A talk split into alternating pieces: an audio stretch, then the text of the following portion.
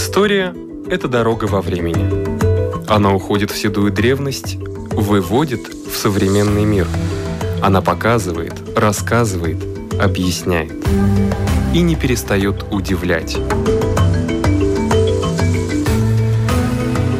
Живая история.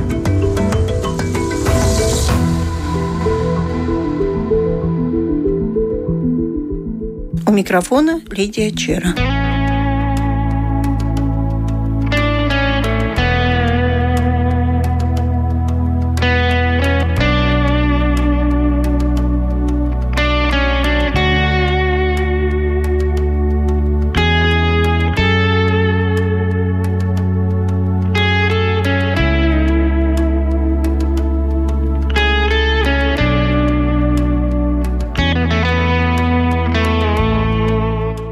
26 апреля 1986 года произошла авария на Чернобыльской атомной электростанции. И, наверное, с тех пор люди не особо любят атомную энергию.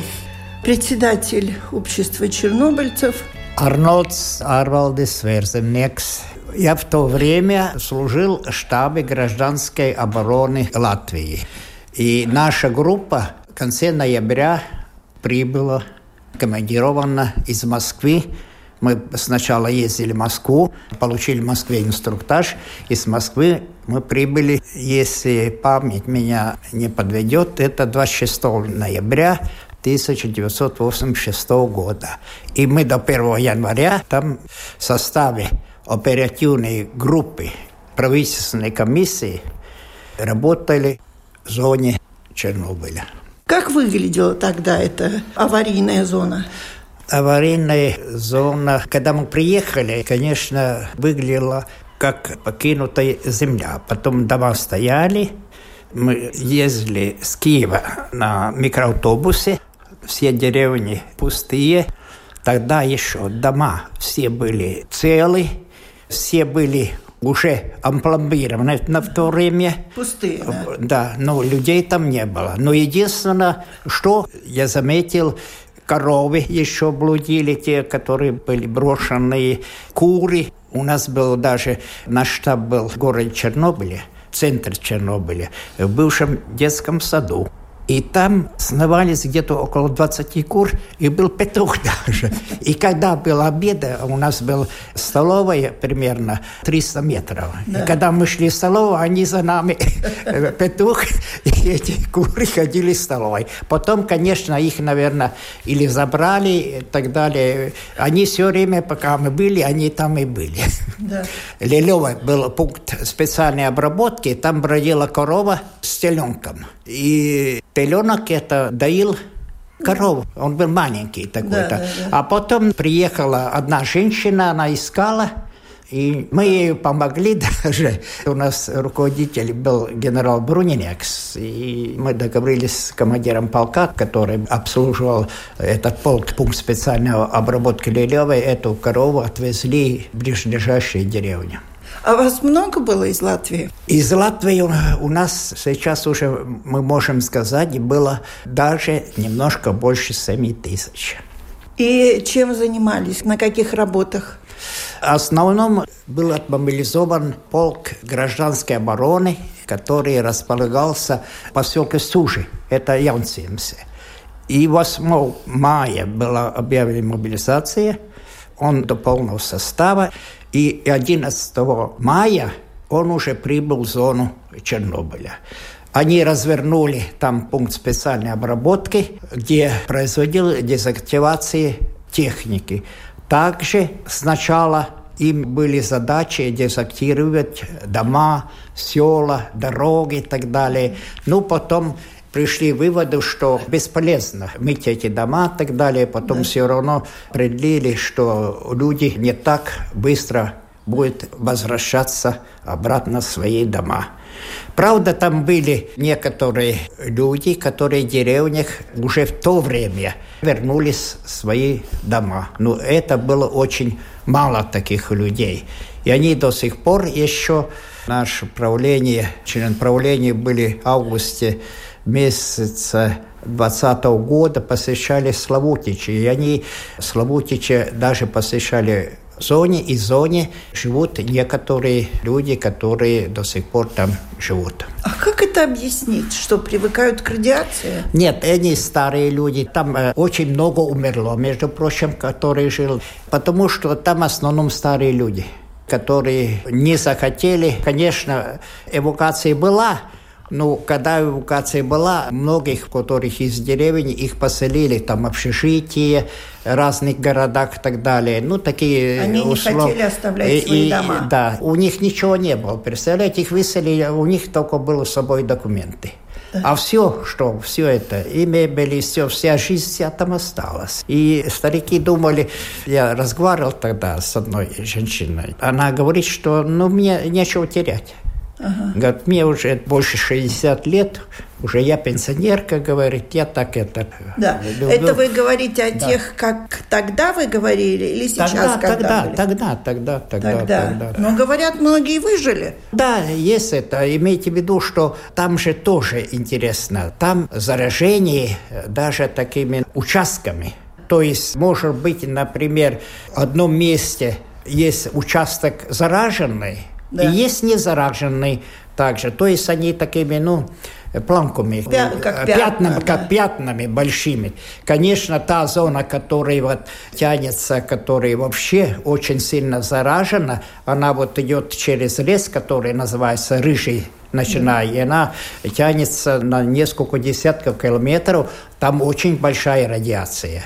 Но есть зоны, которые меньше. Там разные зоны, да. разные радиации. Но уже при... на границе зоны 30 километров уже меньше. Да. Но за зоной все равно на сотни километров есть это вот, в Брянской области, южная часть Гомельской, Могилевской области. Очень-очень вот это облако попало как раз на Белоруссию. Да. Потом там была создана специальная эскадрилья, которая распилила сверху, э, да. сверху химические вещества, которые облако направило, чтобы облако осаждалось в Брянской области, чтобы она не попала в Москву. Специальная была эскадрилья, которым этим занимался. Но это жестоко по отношению к жителям Брянска. Так и получилось, да. Как вы сказали, вы еще раз были там? Я был после этого два раза. Был съезд этот, Киеве создан международная организация «Союз Чернобыль». Латвийский союз Чернобыль является членом, и мы в 1992 году вступили членом этой организации. Эта организация объединяет семь республик, которые принимали участие в ликвидации аварии на ЧАЭС. Ага. В том числе Россия, Украина, Беларусь, Литва, Латвия, Эстония, даже Казахстан – так далее. Оказывается, даже были из узбеки и так далее, из других. И даже этот союз сейчас ходит Япония, потом у них Фукусима был, и да. сейчас этот союз, Международный союз Чернобыль называется, связи вот четвертый съезд состоялся в 18 году в мае, и вступила Япония. И сейчас называется Международный союз Чернобыль Фукусима. Но вы были в Киеве, вас возили куда-то в эти зоны? Да, вот когда мы были на съезде, на первом съезде, как раз мы посещали э, зону. И я посещал зону в 2008 году вместе с президентом Латвии Валдесом Затлерс, потому что он тоже является участником ликвидации аварии на Чернобыльской АЭС. Он там был как э, врач, да? Да, он был э, врач и служил в медицинской роте, который был в составе полка который служил. Вообще много врачей было из Латвии? Да, там много-много, около 100 врачей, да. Были еще какие специальности? Ну, кроме пожарников, как я понимаю. Э, были пожарники. Пожарники у нас есть, это члены общества. Например, есть такой пожарник Упенекс, который служил в пожарных частях МВД, и он самый молодой у нас, сейчас ему где-то 53 года. Были и курсанты, которые из Латвии учились в Минской э, высшей школе МВД, оттуда были. Были солдаты срочной службы, которые служили Киевском военном округе, Белорусском, Прикарпатском.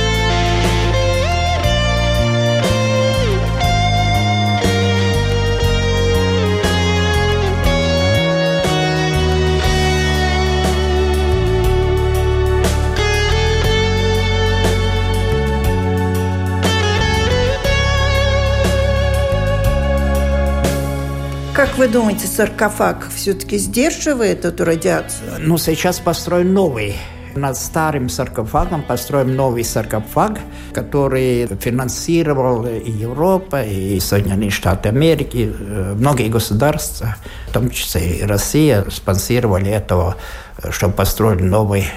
Потом старый уже пришел негодность, сейчас уже там, конечно, нормально все организовано. Организовано, организовано, но 30-километровая зона все-таки является зоной высокого заражения. Да, она еще долго будет. Там, если даже стронцы и так далее, полураспад, там 30 лет и так далее. А там есть еще остатки даже урана и так далее, которые это сотнями лет. Так что там еще будет очень долго радиация. Вот радиация есть, а плодородная земля рожает там очень интересно, например, Игналинскую атомную станцию да. тоже строили в курортном месте, практически там озера и так далее.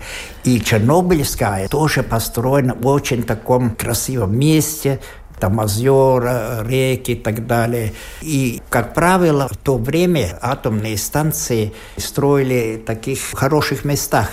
Почему? Потому рядом где-то 3 километра строили город – каждой атомной станции строили где-то на 50 тысяч людей город, которые жили обслуга этих станций. Потом mm. вот такая была практика в советское время. И я думаю, и в мире практически тоже этот.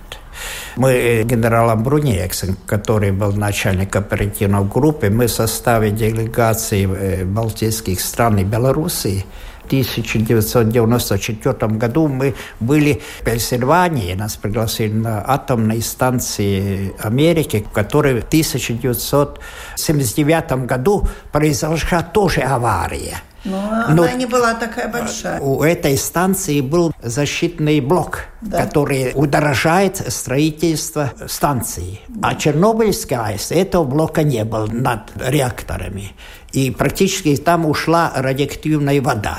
Но, правда, тоже там и э, замолчали. Многие так и не знали, которые газеты не читают. Тогда же информации в то время, помните, какая была? Вы же тоже помните, какая да, информация да, да. была. Не было таких средств информации, как сейчас. Тогда у нас телевизоры не у всех были и так далее. Еще то время, 79-е годы, уже не так уже была развита вот эта коммуникация, да, да, информация, информация как сейчас. Не так была развита. Да, Но да. при всем при том информация информация должна была быть. И до сих пор как-то мне не совсем ясна причина этой аварии. Все-таки это, как говорят, человеческий фактор, да? Ну, здесь многие спорят, но самое главное, что мы, это когда правительственная комиссия, там производили эксперимент. И та смена, которая, вот, сколько нам известно в то время, разные есть это. Та смена, которая была проинструктирована – должна производить. Как-то получилось, что перенесли этот эксперимент на ночь. И другая смена практически, мне это сказал главный инженер, это другая смена проводила вот этот э, эксперимент. Этот. А какой эксперимент? Э, эксперимент проверка мощности станции, то простыми есть, словами. То есть, если искать виновного, то виновен тот, кто дал такое задание? Ну, на этой станции все время проводились научные э, эксперименты. эксперименты да. Да. Она считалась самая безопасная станция, самая мощная станция в Союзе. И самая такая, ну, передовая. Поэтому там можно было экспериментировать, да. да, да. да. А скажите, вот год от года э, эти съезды, которые проходят, какие задачи поднимают вот члены ликвидаторы? Лично я присутствовал на международных э, съездах. Были у нас съезды, да, Берштонас, даже международный организация. Был съезд в Москве, даже Обнинске, где есть этот научно-исследовательский институт. Мы занимаемся основным э, вопросом улучшения социальной защиты участников, то есть ликвидаторов. Те же вопросы. Там э, не решается ни одной политической, решается только социальный, как улучшить, обменяемся опытом. У нас, например, законы есть Латвии, есть России, есть Белоруссии, есть Украине, э, в Молдавии тоже закон есть этот. Меньше такие есть постановления, как Грузии тоже. Есть закон Казахстане, а Эстонии и Литве чернобыльцы приравнены репрессированным. Это лучше или хуже? Нет, это не совсем, потому что мы все время тоже, когда был министр Макаров, есть разные, потому репрессированные не жили в зоне радиации, радиации любой да. радиации, повышенной, малой радиации и так далее. Потому чернобыльцам надо все-таки медицинские Главная задача – это улучшение стабилизации здоровья, здоровья, да, и медицинский. Потом у нас был создан этот первый регистр чернобыльцев, который страдания государственный. Да. Дальше стационар, который обследует. Дальше создана комиссия, что связывает связь болезней с участием Чернобыля – Например, даже есть 8 лекарств, которые компенсируются полностью. Это который диагноз Т-66, который от радиации только. Да. Есть такие медикаменты. Остальные медикаменты, конечно, компенсируются, как и всем. То есть это кардиологи, там да. от 20 до 75 процентов всякие компенсации. Так как все жители Латвии. То есть какая-то болезнь, если есть кардиология, там есть компенсирующие лекарства, есть этот диабет, там другие лекарства и так далее. Есть онкология, конечно, там есть стационары, там компенсации и так далее, и так да, далее. Да, ну, в общем, социальные вопросы решаете. Да, социальные. Вы смотрели художественный фильм «Чернобыль»? Да, я смотрел, да. И смотрел. как вам? Я думаю, что это хорошо. Конечно, там много и преувеличено много, но в основном он первый раз поднимает, показывает людям не только как Чернобыль, а что происходит при аварии атомной станции. Это просто напоминание человечеству, людям, которые не сведущие, что может произойти. А может произойти вообще этот, что мир, если еще какой-то... Да. да. Если, не дай бог, какой-то начнется или такая война так вот, далее, вот, вот. То, то не дай бог. Да то получить информацию не прикрашенную, а именно из первых да. уст очень важно. Вот и еще важно. мы по приглашению, есть такой фонд, этот Хибакуши, который в Японии занимается социальной защитой участников ядерных взрывов Хиросим Нагасаки. И мы в 2006 году опять этот состав прибалтийских делегаций были в Хиросиме Нагасаки. И в Хиросиме есть музей – там отображено именно, что происходит при малом взрыве даже ядерного. Где-то 5 килотонн примерно этот был бомбы. А сейчас мегатонны, тысячи тонн. Что и если любой президент, любой руководитель страны посмотрел, тогда он понял, что ядерным оружием воевать нельзя, иначе погибнут весь мир.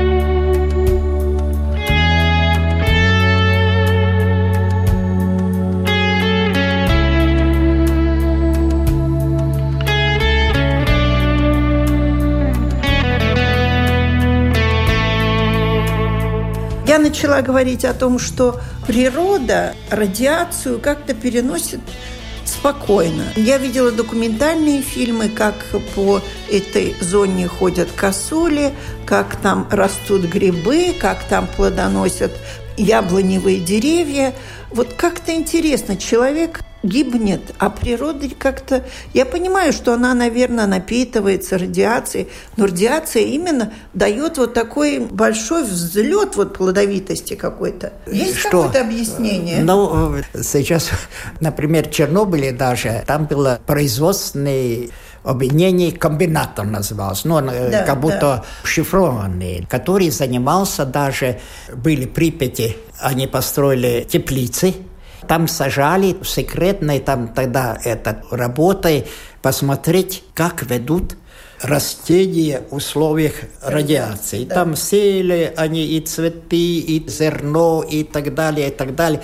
А что получилось, мы же не знаем, никто не публиковал как да. повели. То есть э, каждая страна все-таки имеет какие-то научные секреты, и до сих пор они изучают это. Это тема, которая мало изучена. Это Там вы, тогда... господин, не знаете. Народ давно уже да, говорит, да, как да, на да. базаре появились большущие да, груши да, или да, сливы да. из Чернобыля. Но это тоже, слухи тоже, как сказать, это есть, это большие. Если человеку, например, только тебе, как сейчас, вирус, э, это пневмония, корона, он имеет в виду вирус э, Первые, когда появились в Китае, этот коронавирус вызвал нетипичной пневмонии. Да. И даже председатель Китайской Народной Республики Си Циньпинь в своем выступлении, если кто-то читал, он сказал, что мы боремся с пневмонией. И Китай справился. И сейчас, если посмотреть на интернете, Китай 94% выздоравливает. То есть он не так страшен, как его величает. Такой слухи большие. Да. Надо смотреть на Китай, и все будет в порядке. Или на Швеции надо смотреть. Шведы вообще не боятся этого. Да. И тогда, когда первый SARS-CoV, вот этот вирус был, тогда пневмония. А потом уже SARS-CoV-2, сегодняшний вирус. Его этот зашифровали, коронавирус, фактически эпидемия пневмонии она. Я с вами не согласна да. в отношении шведского да. варианта. Да. Я да. все-таки больше за латвийский вариант. Да. Нас не так много, как шведов, и тем более не так много, как китайцев. Давайте беречь каждого человека и не подвергать опасности. Я да. имею в виду, что слухи, если мы только одну версию, то есть, что он очень слишком так далее, так далее, что есть лекарство, например. Да. Сколько осталось чернобыльцев? Вы говорили 7 тысяч, которые которые принимали участие в ликвидации? Да, сейчас около 4 тысяч. Почти половина ушла, ушла. Почему это? Мы считали, что больше 6 тысяч. А сейчас, когда мы посчитали умерших и так далее, и так далее, потому что, помните, какой был переходный период? Военкоматы ушли не только военкоматы, всякие там службы и так далее, которые были союзные. Такой переходный период был очень беспорядочный и так далее. И эти дела, например, дела офицеров запаса, который призвал, например, врачи, дальше инженеры, техники, их дела – увезли Калининград, и никто здесь не оставил. И там все данные запас офицеров, даже Затерса, даже других, они находятся в Калининграде, потом их, наверное, выслали сейчас в Подольск, центральный архив Министерства обороны. И засекретили. Ну да, ну единственное могут, если кому-то надо сведения, то он может написать Подольск, Центральный архив, или mm-hmm. обратиться в российское посольство и через российское посольство запросить данные о своем пребывании в 30-километровой зоне. Вот это не было военкоматом переданы, э, вот такие. И не было передано сколько. Ну, нам получилось достать некоторые сведения, потому один начальник отдела, который Юрмале, он э, вел тоже свою картотеку, и мы получили данные. Спустя 35 лет после этой аварии, как вы считаете, мир поумнел – и ваше мнение насчет атомной Не, энергии? Мир, э, конечно, в каком-то мере поумнел, но э, смотря вот на сегодняшнюю обстановку мира, все равно производятся войны, производятся... Строятся это, атомные электростанции. атомные станции, например, Финляндия строит и так далее. Ведь Есть страны, которые, например, Германия закрывает некоторые да. станции, потом они уже давно построены, конечно, их надо закрывать. А есть э, страны, Белоруссии построили, тоже на границе Литвы атомные станции. Многие южные страны тоже, которые еще только развиваются, строят это при помощи России, также и других Америк строятся там атомные станции. Так что все равно Сколько есть противников, наверное, столько есть защитников атомной энергетики. Одни говорят, что атомная энергетика, она самая чистая. Не, ну, она, она не... самая, самая дешевая, вот да, дело да. получается. И самая да, опасная. Да, и самая опасная тоже, да. Технологии сейчас совершенствуются, конечно, но но все равно выбрасывается, все равно любая атомная станция какое-то количество радиоактивности засоряет все-таки атмосферу. Это все не равно. только атмосферу, ведь этот э, уран воду, тоже да, надо, да, где-то да. надо хранить да, эти да, пополняется, да, радиоактивные отходы да. и так далее. Сейчас даже, по-моему, когда мы были, там строились это хранилище и такой завод от, отходов, да. который будет размещаться вот этой зоне. Потом люди там не будут возвращаться, там все-таки есть это очень большая площадь, которая не живая, не жилая. Ну и на этом, наверное, Украине заработает тоже какие-то деньги. Ну, конечно, что. конечно. Да, Радиоактивные отходы очень даже платят. Да, даже да. когда через нас хотел поезд идти с радиоактивными да, отходами, наши зеленые готовы были на рельсах если мы задали вопрос, сколько у нас сейчас примерно около 3500 имеет инвалидность. И несколько, пару сотен, которые имеют до 20% ущерб здоровья. Хотелось бы, конечно, закончить на положительной ноте, но пока я ее не вижу. Ну да, и в связи с этой эпидемией пневмонии у нас приближается 26 апреля. Я хочу пожелать всем участникам здоровья, счастья, ну и удачи жизни. У нашего микрофона был председатель правления, президент Союза Чернобыль Латвии Арнольдс Арбалдис Верземникс. На